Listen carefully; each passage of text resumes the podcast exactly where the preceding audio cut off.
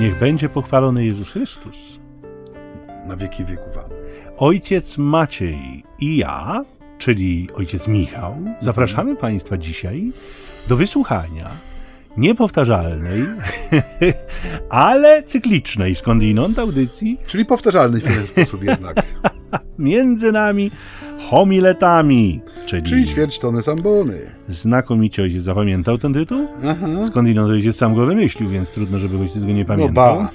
No i y, drodzy Państwo, y, audycja trwa, co tydzień staramy się z Państwem spotykać i te e, zawiłości ewangeliczne e, wyjaśniać, przynajmniej próbować.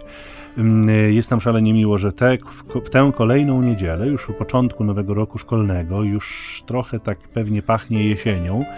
Nie wiemy tego do końca, bo jak wiecie Państwo, nasze audycje nagrywamy z pewnym wyprzedzeniem, ale, ale pewnie tak jest, no bo zwykle tak bywało we wrześniu, e, więc cieszymy się, że możemy z Państwem ten jesienny sezon rozpoczynać. A dzisiejsze słowo pochodzi z Ewangelii Łukaszowej, jak od kilku tygodni nadal Łukasz nam towarzyszy, 14 rozdział, wersety od 25 do 33. Wielkie tłumy szły z Jezusem. On odwrócił się i rzekł do nich: Jeśli ktoś przychodzi do mnie, a nie ma w nienawiści swego ojca i matki, żony i dzieci, braci i sióstr, nadto i siebie samego, nie może być moim uczniem. Kto nie dźwiga swego krzyża, a idzie za mną, ten nie może być moim uczniem. Bo któż z was, chcąc zbudować wieżę, nie usiądzie wpierw i nie oblicza wydatków, czy ma na wykończenie? Inaczej, gdyby położył fundament, a nie zdołałby wykończyć, wszyscy patrząc na to zaczęliby drwić z niego. Ten człowiek zaczął budować, a nie zdołał wykończyć. Albo jaki król, mając wyruszyć, aby stoczyć bitwę z drugim królem, nie usiądzie wpierw i nie rozważy, czy w dziesięć tysięcy ludzi może stawić czoło temu, który z dwudziestu tysiącami nadciąga przeciwko niemu. Jeśli nie, wyprawia poselstwo, gdy tamten jest jeszcze daleko i prosi o warunki pokoju. Tak więc nikt z was, jeśli nie wyrzeka się wszystkiego, co posiada, nie może być moim uczniem. Ciekawe, jakie nagrania nowe są w muzycznej bibliotece radia Niepokalanów. Przekonają się Państwo o tym na pewno za jakąś chwilę. Ojciec Michał uciekł się do takiego małego podstępu, ponieważ z reguły ta osoba, która czyta Ewangelię, nie musi rozpoczynać potem refleksji. I ojciec Michał zawłaszczył sobie wszystkie Ewangelie w czasie tej sesji nagraniowej, co czyni mnie inicjatorem naszej tutaj dyskusji nad tą Ewangelią. A, A uczyniłem to, Tak? uczyniłem, uczyniłem to dlatego, że ojciec od samego poczłonku szczycił się, że ojciec jest znakomicie przygotowany do jestem, naszych no zajęć. jestem, nie będę się tego wypierał. Więc mówię sobie, nie można dać człowiekowi, że tak powiem, tutaj mm, takiego pola, żeby to uciekło, to trzeba wykorzystać. Przywołam tutaj postać świętej pamięci, już niestety wybitnego kaznodziei, księdza Piotra Pawlukiewicza, który kiedyś e, nagrał taką konferencję, ona jest dostępna na, na YouTubie także, która oscyluje wokół słowa wyrzec się, wyrzekanie się. E, Bo jest to takie słowo, które e, no, dość często pada, e, jeżeli chodzi o tą przestrzeń naszej mowy kościelnej. Mówimy często podejmowanych wyrzeczeniach, o koniecznych wyrzeczeniach, o wyrzeczeniu się jako e, warunki, warunku e, duchowego wzrostu, czy właśnie podążania za, e, za Jezusem. Co tak naprawdę znaczy to słowo? Nie? I ksiądz Pawlukiewicz ma tak, miał taką ciekawą i chyba też zgodną z prawdą, jeżeli chodzi o język polski, intuicję, że jest tam ten rdzeń rzecze, nie? czyli mówi albo nazywa też w języku staropolskim. Orzec coś, orzec, orzec o czymś, e, czy wyrzec coś, to było wypowiedzieć coś, nie? nazwać to, określić czym jest, nie? czy jest obecne, czy nieobecne i tak dalej. I coś w tym jest, e, bo Jezus mówiąc te słowa o konieczności wyrzeczenia się wszystkiego, co posiadamy, apeluje do bardzo ważnej rzeczywistości w nas. My jesteśmy ludźmi, którzy, tak jak to już nieraz żeśmy tutaj mówili, żyją w dobie, no trzeba to nazwać po imieniu, nadmiaru rzeczy, nie? Nadmiaru rzeczy. E, Bardzo często jest tak, że my dzisiaj jesteśmy pchani do tego, żeby powiększać swój stan posiadania materialnego przez różnego rodzaju promocje, okazje. Kupujemy rzeczy, które nie do końca są nam potrzebne, na które nie do końca nas stać za pieniądze, których nie do końca posiadamy. I potem jesteśmy uwiązani jakimś e, ratalnym planem spłat tychże rat, no, z siłą rzeczy musimy cieszyć się z tego, cośmy nabyli, bo mamy już tę rzecz, no i no, jest to taka sytuacja trochę trudna, bo po jakimś czasie przychodzi refleksja, na co mi to, nie? Po co ja to kupiłam, po co ja to nabyłem? Łączy się często z refleksją, y, że już jest coś nowego, że już jest coś, mieć. A jestem tak. wciąż uwiązany tak. planem ratalnym i, i moje tutaj pragnienie mnie zżera, tak zwany pypeć rośnie albo chciej się rodzi i jesteśmy nieszczęśliwi, ponieważ nie możemy postępować na tej drodze pomnażania. I gdybyśmy mieli e, zadać sobie takie pytanie, ile tak naprawdę rzeczy posiadamy, e, czy inaczej, do, do, posiadania ilu rzeczy aspirujemy, pewnie odpowiedź taka na twarz byłaby nieprawdziwa. To znaczy, nie do końca byśmy byli e, w stanie wymienić wszystko, co jest naszym naszym posiadaniem, tym, tym naszym taborem, który ciągniemy ze sobą.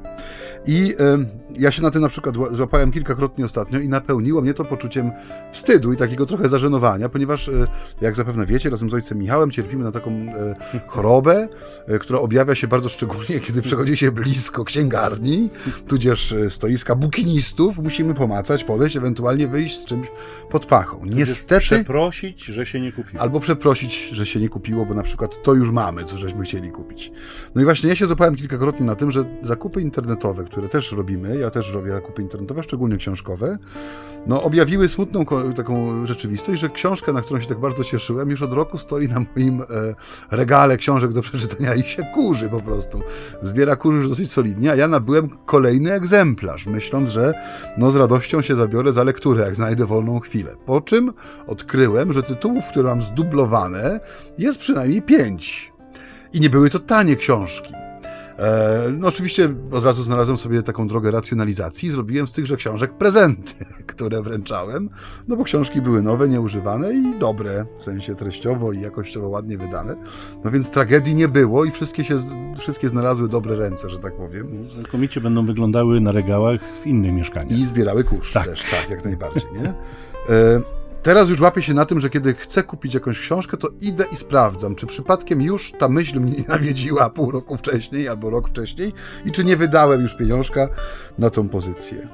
E, więc gdyby ktoś mi powiedział, że mam się wyrzec, czy mam opowiedzieć, czy nazwać wszystko, co posiadam, potrzebowałbym na pewno sporo czasu, żeby przez te swoje posiadłości, że tak powiem, e, przynajmniej w myśli przebiec i pozbierać wszystko to, co jest moim posiadaniem.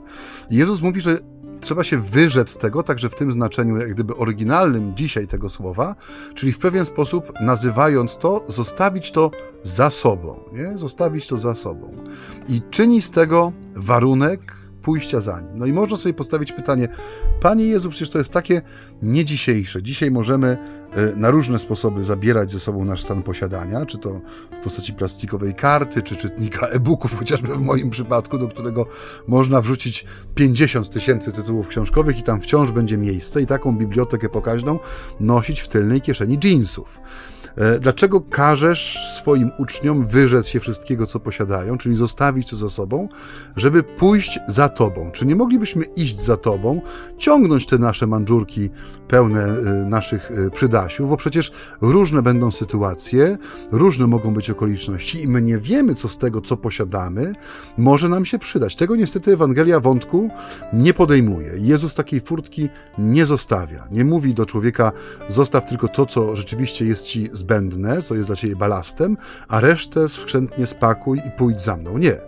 I kto nie wyrzeka się wszystkiego, co posiada, a, a idzie za mną, znaczy chce iść za mną, nie może iść po prostu, nie jest to możliwe. Trzeba się tego wszystkiego wyrzec, czyli innymi słowy zostawić to za sobą. No i jest to, no trzeba przyznać, dzisiaj w dobie e, zorientowanej na posiadanie jako wyznacznik naszego statusu czy pozycji w społeczeństwie, no jest to e, takie wezwanie bardzo stojące w kontrze do dzisiejszych czasów, nie? które rzeczywiście dziś wymaga od nas więcej chyba niż kiedykolwiek. Mówiliśmy to już kiedyś, że mm, ciężkie konto to często również ciężkie serce i dlatego y, trochę więcej wolności y, w tym wszystkim mogłoby nam się przydać. Ale o ile ty mówisz o tym wyrzeczeniu, to ja bezpośredniej łączności z tym mam jakby przed oczami słowo nienawiść. Nie? Kto nie ma w nienawiści matki, ojca, bliskich, krewnych, przyjaciół, znajomych, siebie, nadto siebie samego, nie może być moim uczniem. Te, te wskazania Jezusa no, wydają się być takie bardzo radykalne, nie bardzo zdecydowane. Tu, tu nie ma dyskusji, to nie jest kwestia e, dopuszczająca jakiekolwiek wyjątki, nie? to nie jest kwestia której moglibyśmy sobie powiedzieć, że to jest po prostu jedna z opcji. Nie? To, to no dobrze by było, jakbyście tak zrobili, ale jak zrobicie inaczej, to też nie będzie źle. Otóż nie. Tylko tak, a nie inaczej. Nie? To są takie warunki, jak mawiali starożytni sine qua non, nie? bez których nie. Po prostu nie, nie ma. I ta nienawiść mnie oczywiście zatrzymuje. My to, ta najprostsza y, warstwa, y, jakby znaczeniowa, oczywiście jest dla nas jasna, zrozumiała, że, że mm, chodzi o pewną hiperbolę. Nie? No ale, ale czym ta nienawiść ma być? Nie? Bo, bo zobaczcie, w, w, w całej naszej wierze, chodzi przecież o to, żeby naśladować naszego Pana Jezusa Chrystusa. Nie? Więc teraz, kiedy on mówi o nienawiści, no to trzeba się zastanowić nad tym, co on przez to rozumie. No bo jeśli go mamy naśladować i nienawidzić swojego ojca i matki, no to trzeba zapytać, czy Jezus nienawidził swoich rodziców? I rzecz jasna, y, w perspektywie y, takiej, jakiej, w jakiej zwyczajowo to słowo rozumiemy, no nie, nikt bardziej nie kochał Maryi i Józefa niż sam Pan Jezus, nie? Ale na czym więc polegała ta nienawiść, o której my, my mówimy? Nie? E, w jakim sensie ta nienawiść E, staje się dla nas przestrzenią naśladowania mm, e, mm, naszego Pana Jezusa Chrystusa. No i chyba trochę w takim, w jakim omawialiśmy Słowo Boże kilka tygodni temu. Y, było to y, wtedy, kiedy Jezus mówił o ogniu, który przyszedł rzucić na ziemię, dwoje przeciw trojgu, a troje przeciw dwojgu. Mianowicie y, misja Jezusa była większa niż jakiekolwiek więzy ziemskie i on to wiedział i musiał się z nią zmierzyć, musiał stawić jej czoło i choć pewnie nikt jakoś nie próbował go w domu powstrzymywać, no to można się domyślać i on sam się mógł domyślać, że dla jego matki to będzie szalenie trudne doświadczenie. Nie? I to jakoś wewnętrznie mogło go powstrzymywać, a jednak wyrusza w tę drogę kiedy przychodzi jej godzina. I, I to, że, że w jakiś sposób e, e, będzie rodziło to trudności, e, no można, można sobie to wyobrażać. Nie? Tu mogłoby się pojawić takie pytanie, e, e, które moglibyśmy włożyć w usta Maryi. Oczywiście wydumane trochę. Ja nie chcę w żaden sposób sugerować, że Maryja takie pytanie postawiła, ale, ale w normalnych warunkach, czy, czy e, nie, pojawiłoby się takie pytanie, czy aż tak bardzo nienawidzisz swojej matki, że chcesz stać się dla niej przyczyną takiego cierpienia? Mogłaby postawić to pytanie sama ona, mógłby, mógłby to postawić ktokolwiek inny z, z otaczających Jezusa. Nie? Czy, czy naprawdę naprawdę tak nienawidzisz swojej matki, że chcesz umrzeć i chcesz, żeby ona na to patrzyła i chcesz, żeby ona tak cierpiała? Nie? To, to, to moglibyśmy nazwać e, jakąś przestrzenią nienawiści. E, ale to nie jest jedyne rozumienie, bo kiedy sobie tak patrzymy na historię zbawienia, ja natychmiast, kiedy rozważałem to słowo, przyszła mi do głowy inna matka, matka siedmiu synów z Księgi Machabejskiej, która staje wobec tyrana wraz ze swoimi synami, który po kolei jej ich zabiera, to znaczy zabija tych młodych na mężczyzn na jej oczach.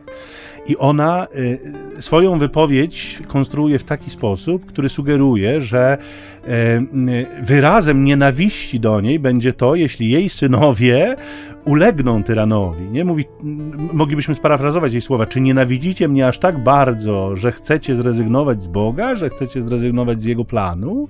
Nie? Wyrazem miłości do mnie będzie to, że zostaniecie wierni wierze, w której was wychowałam. Nie wiem, jak znaleźliście się w moim łonie, nie wiem, jak was urodziłam.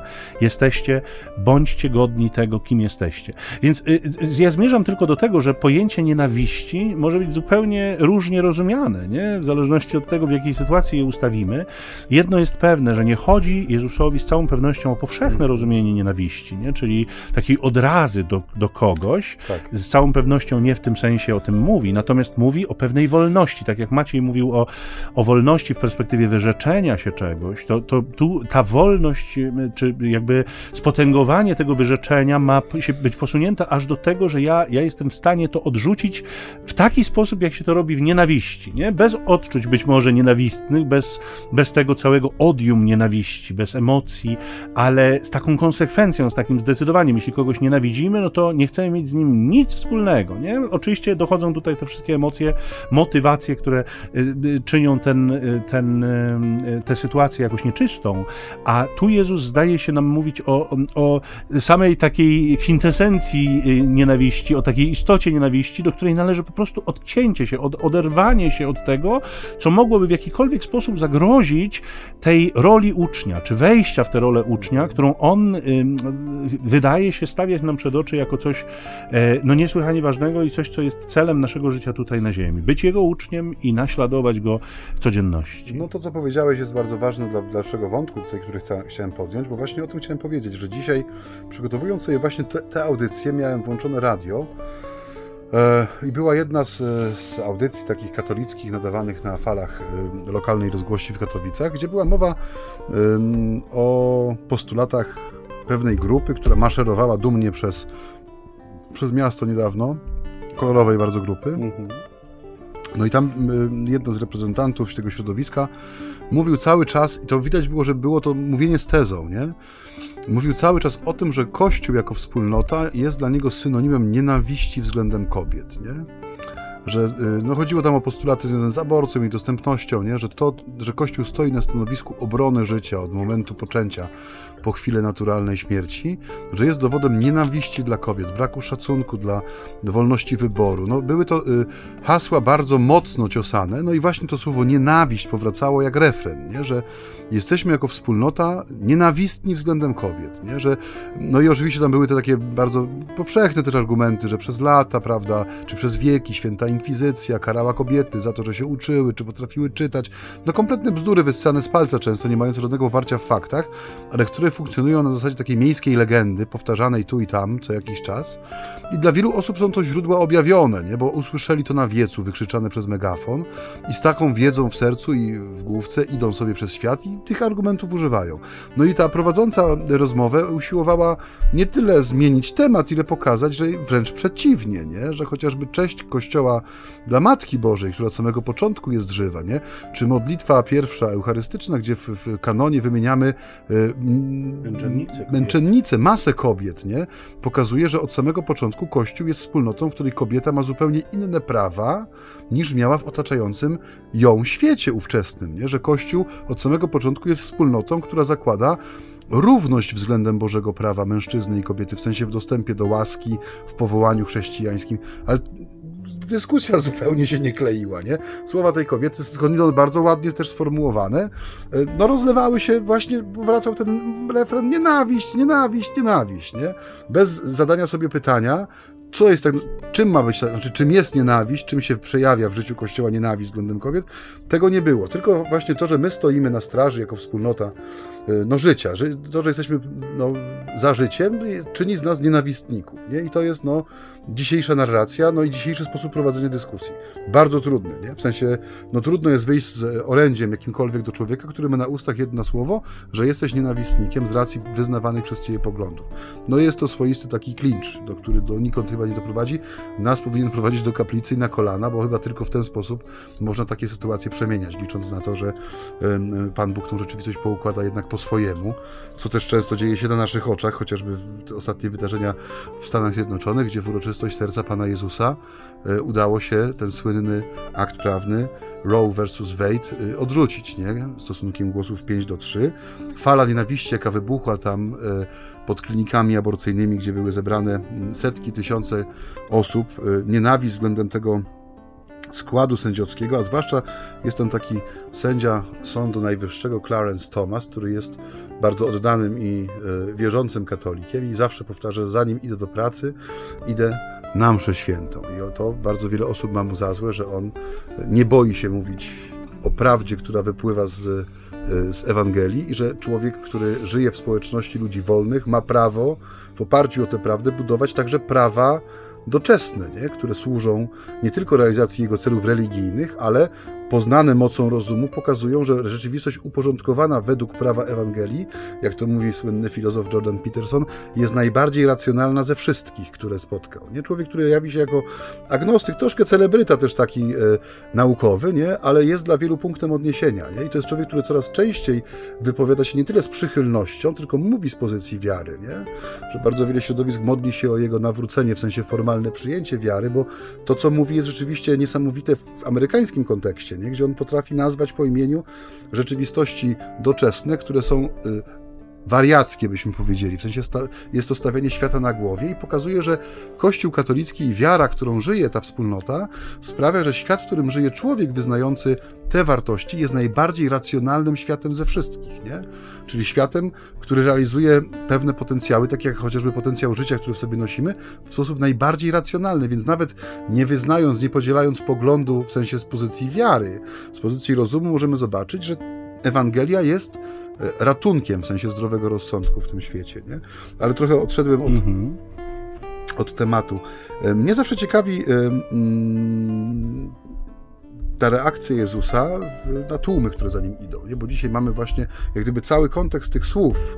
E, ja to trochę tak odbieram, że Jezus się po ludzku może trochę przestraszył, nie? tego, że z tych, e, z tych dwunastu, których powołał, nagle robi się pięciotysięczny tłum, no, który no, z zewnątrz jest widziany jako jego zwolennicy, albo przynajmniej sympatycy i odwraca się do nich i mówi im słowa, które są takim sitem, nie? w sensie... Ostudzić. Ostudzić troszeczkę ten zapał, e, bo jednak musi, musimy pamiętać, że Jezus powołuje człowieka twarzą w twarz. Nie? Nigdzie w Ewangelii nie mamy powołania tłumów. Nie?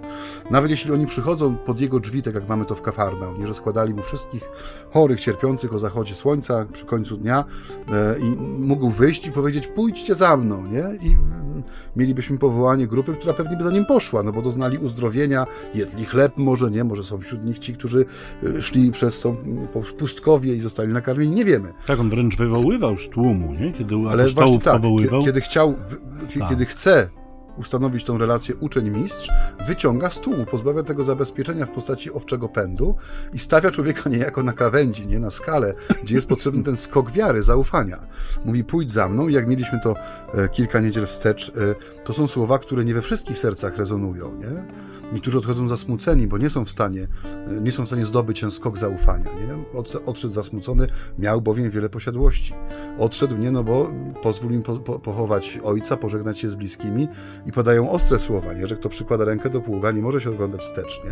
Kto chce żyć życiem e, Ewangelii, nie może żyć życiem świata, który obumiera. Nie? Zostaw umarłym grzebanie ich umarłych. Znowu ostre słowa, które interpretowane dosłownie mogą być odbierane jako okrutne wręcz, no ale trzeba, tak jak tu Michał ładnie to zrobił, wgryźć się niejako w istotę przekazu, żeby zrozumieć, że kiedy Jezus mówi o nienawiści, mówi o pewnym odcięciu się, wyzwoleniu się, nie konkretnie o uczuciach nienawistnych względem matki, ojca czy ludzi, którzy są nam bliscy, ale o uświadomieniu sobie, że ta relacja, którą nawiązuje z Jezusem, ona jest zupełnie inna niż relacje wypływające z, no, z pokrewieństwa, z krwi, nie? że ona jest zakotwiczona w duchu, jako taka ma prawo pierwszeństwa, nie ma prawo porządkowania tej rzeczywistości doczesnej względem no, tego klucza Ewangelii.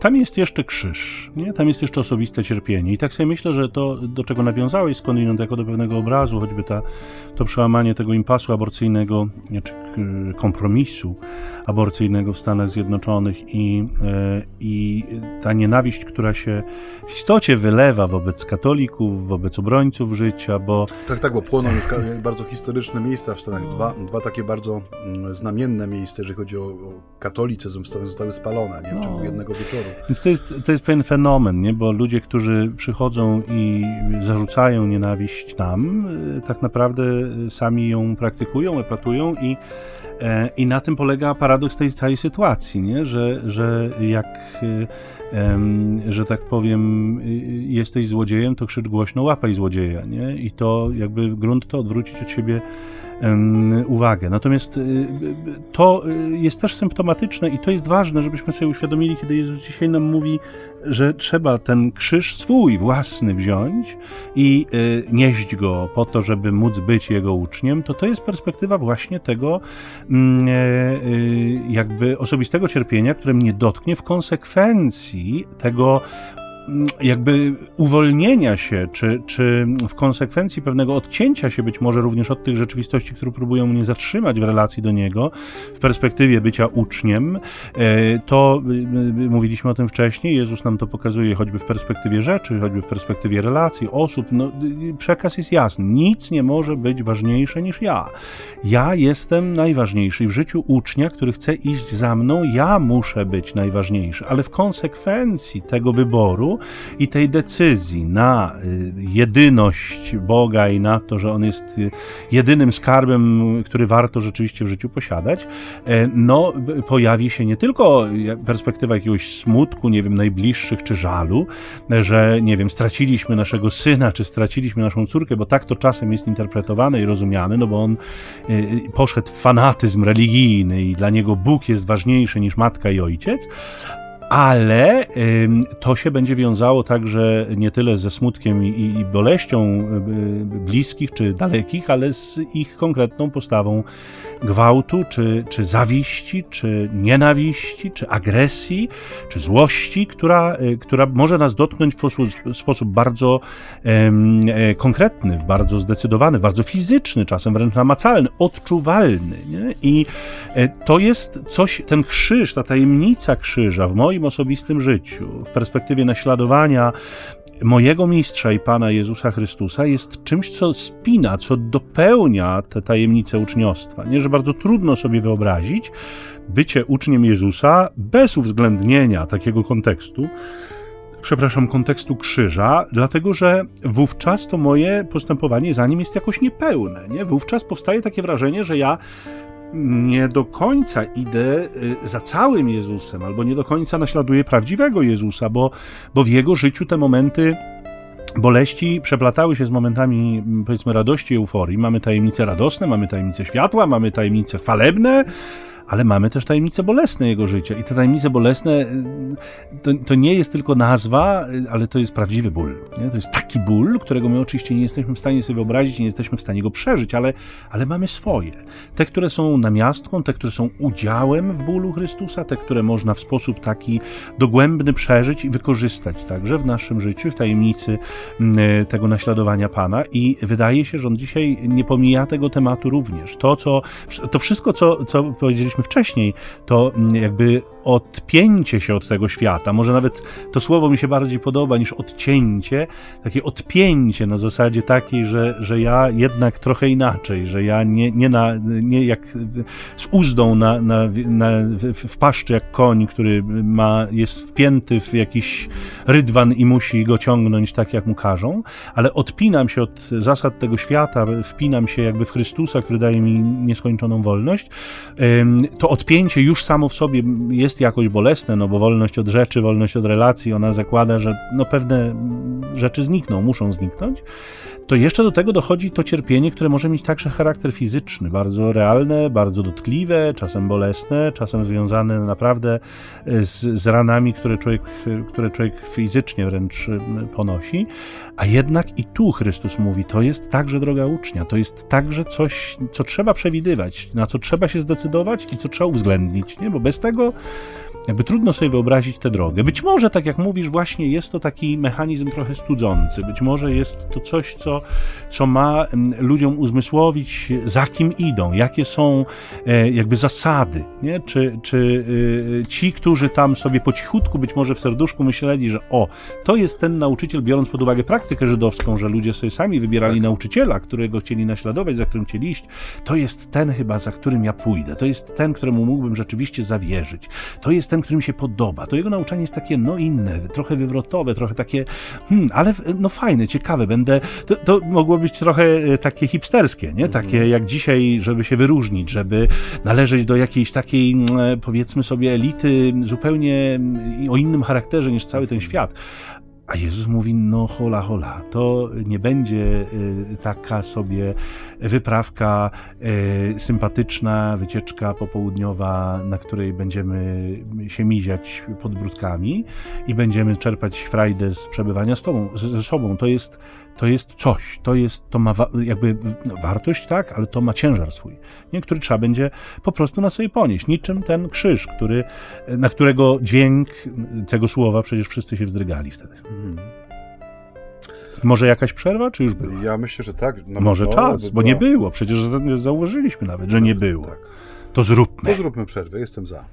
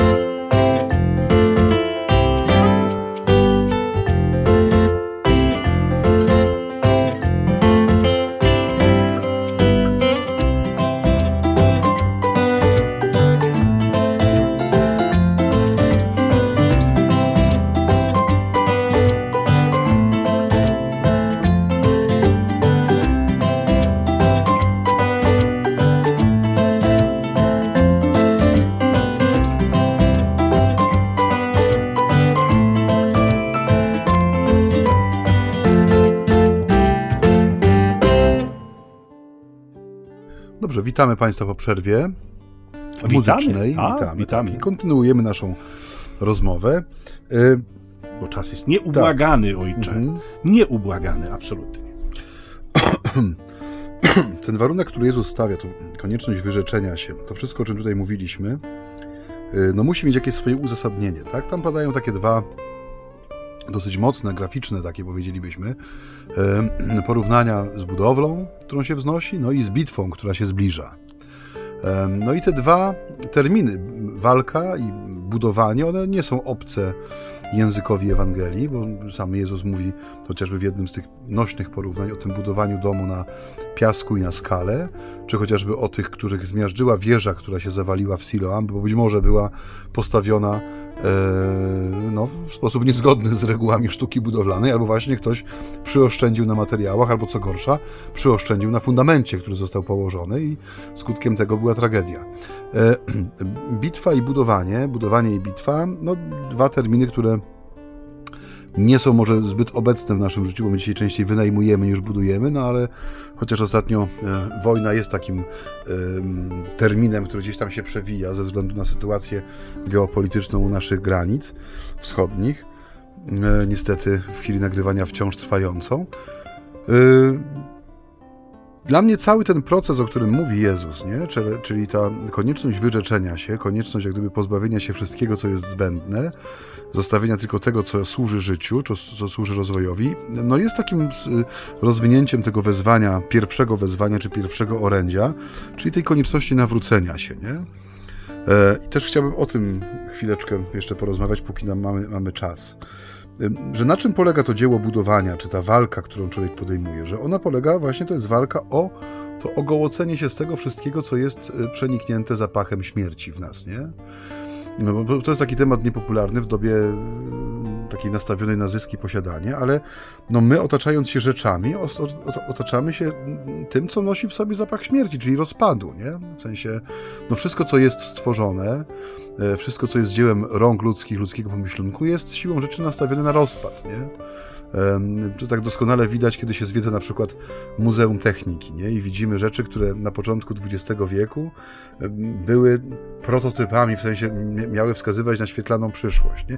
Niektóre zupełnie się nie przyjęły, niektóre podeszły w zapomnieniu.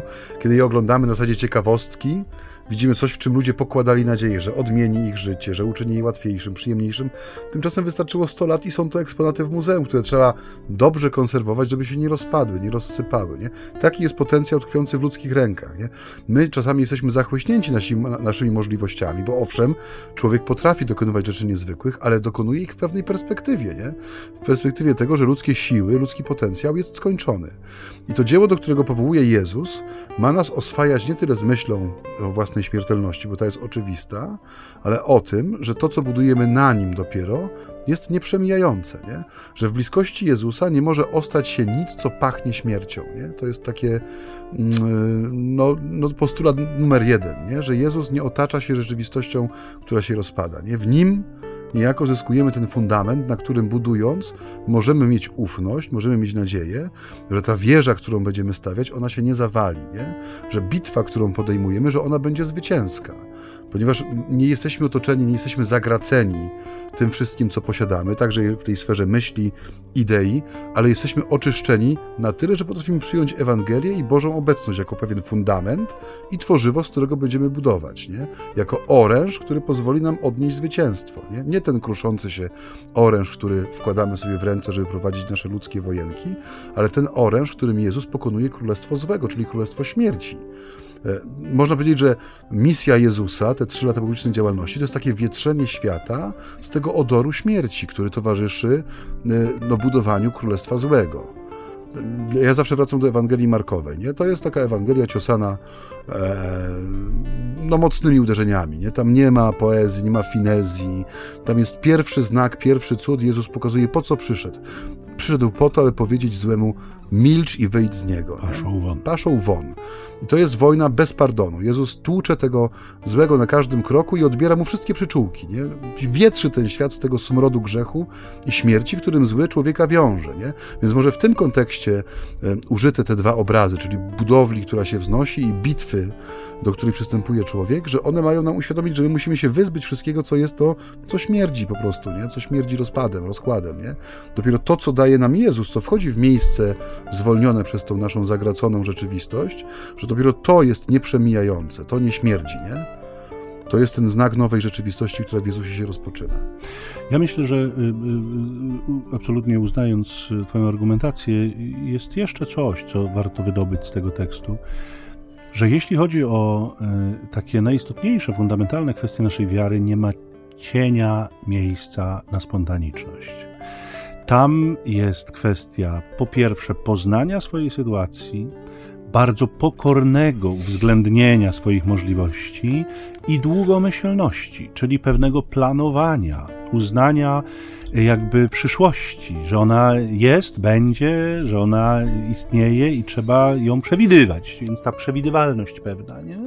To pięknie też Guardini o tym pisze, którego już cytowałem tutaj nieraz, jako mm, wybitny teolog, on mówi, że y, zbudowanie naszej wiary na jakimś osobistym doświadczeniu religijnym jest słabe i, mm, i jakby nie może się nigdy tylko i wyłącznie do tego ograniczać, że ktoś, kto oparłby swoją wiarę na spontanicznej decyzji, mm, po, po, po prostu wynikającej z emocjonalnego przylgnięcia do Chrystusa i takiego wow momentu, natychmiast, bardzo szybko, szybciej niż się spodziewa, napotka na kryzys. Kryzys, który go sprowadzi do parteru, który go zmusi do tego, żeby on zweryfikował swoją decyzję, żeby on się zdecydował, za kim on chce iść. Czy on chce iść za swoją emocją, która budzi wyobrażenia o Jezusie, czy on chce iść za Jezusem rzeczywistym. Co więcej, Guardini dowodzi, że Jezus nigdy by tego nie chciał, żeby ludzie szli za nim właśnie na podstawie takiego wow, nie? trochę emocji, trochę takiego ciepełka w serduszku i już mam uczniów. Nie, on nie jest naiwny, nigdy nie był, nie? Więc y, ta, ta, to, co najważniejsze, oczywiście my w wielu aspektach mo możemy mówić o spontaniczności w perspektywie wiary. Nie, jasne, że tak. Ale co do zasady, co do istoty tej wiary, no to jest trochę jak z budowlą, jak, jak z bitwą. Nie? To, to, to nie są rzeczywistości, które, do których się przystępuje bez planu. Nie? To nie jest rzeczywistość, że ja wstaję rano i mówię, o, dzisiaj zacznę budować dom. Gdzie? O, tu na przykład. I palcem na mapie sobie wskazuję miejsce, idę tam i ani nie pytając nikogo, ani nie, nie konsultując tego z nikim, po prostu wbijam łopatę w ziemię i zaczynam budować. Nie? I za dwa dni przychodzi właściciel tego terenu i mówi, pan co tutaj robi? Mm, bo ja tak wymyśliłem, nie? bo to taki spontaniczny miałem mm, właśnie sen może nawet, nie? Że, że tak mi to jakoś przyszło do głowy. No nie, bo to jest kwestia i planowania, i, i, i y, projektu, i materiałów, i robocizny, i tego, jak to czasowo wyjdzie, i tego, na ile mnie stać. Nie? To jest właśnie to uznanie, też pokorne stanięcie w prawdzie wobec samego siebie, wobec swoich możliwości, co też nam pokazuje, drodzy Państwo, że nasza wiara y, to jest perspektywa pewnego dojrzewania. Nie? To my nie mamy y, wszystkiego jakby danego już dziś.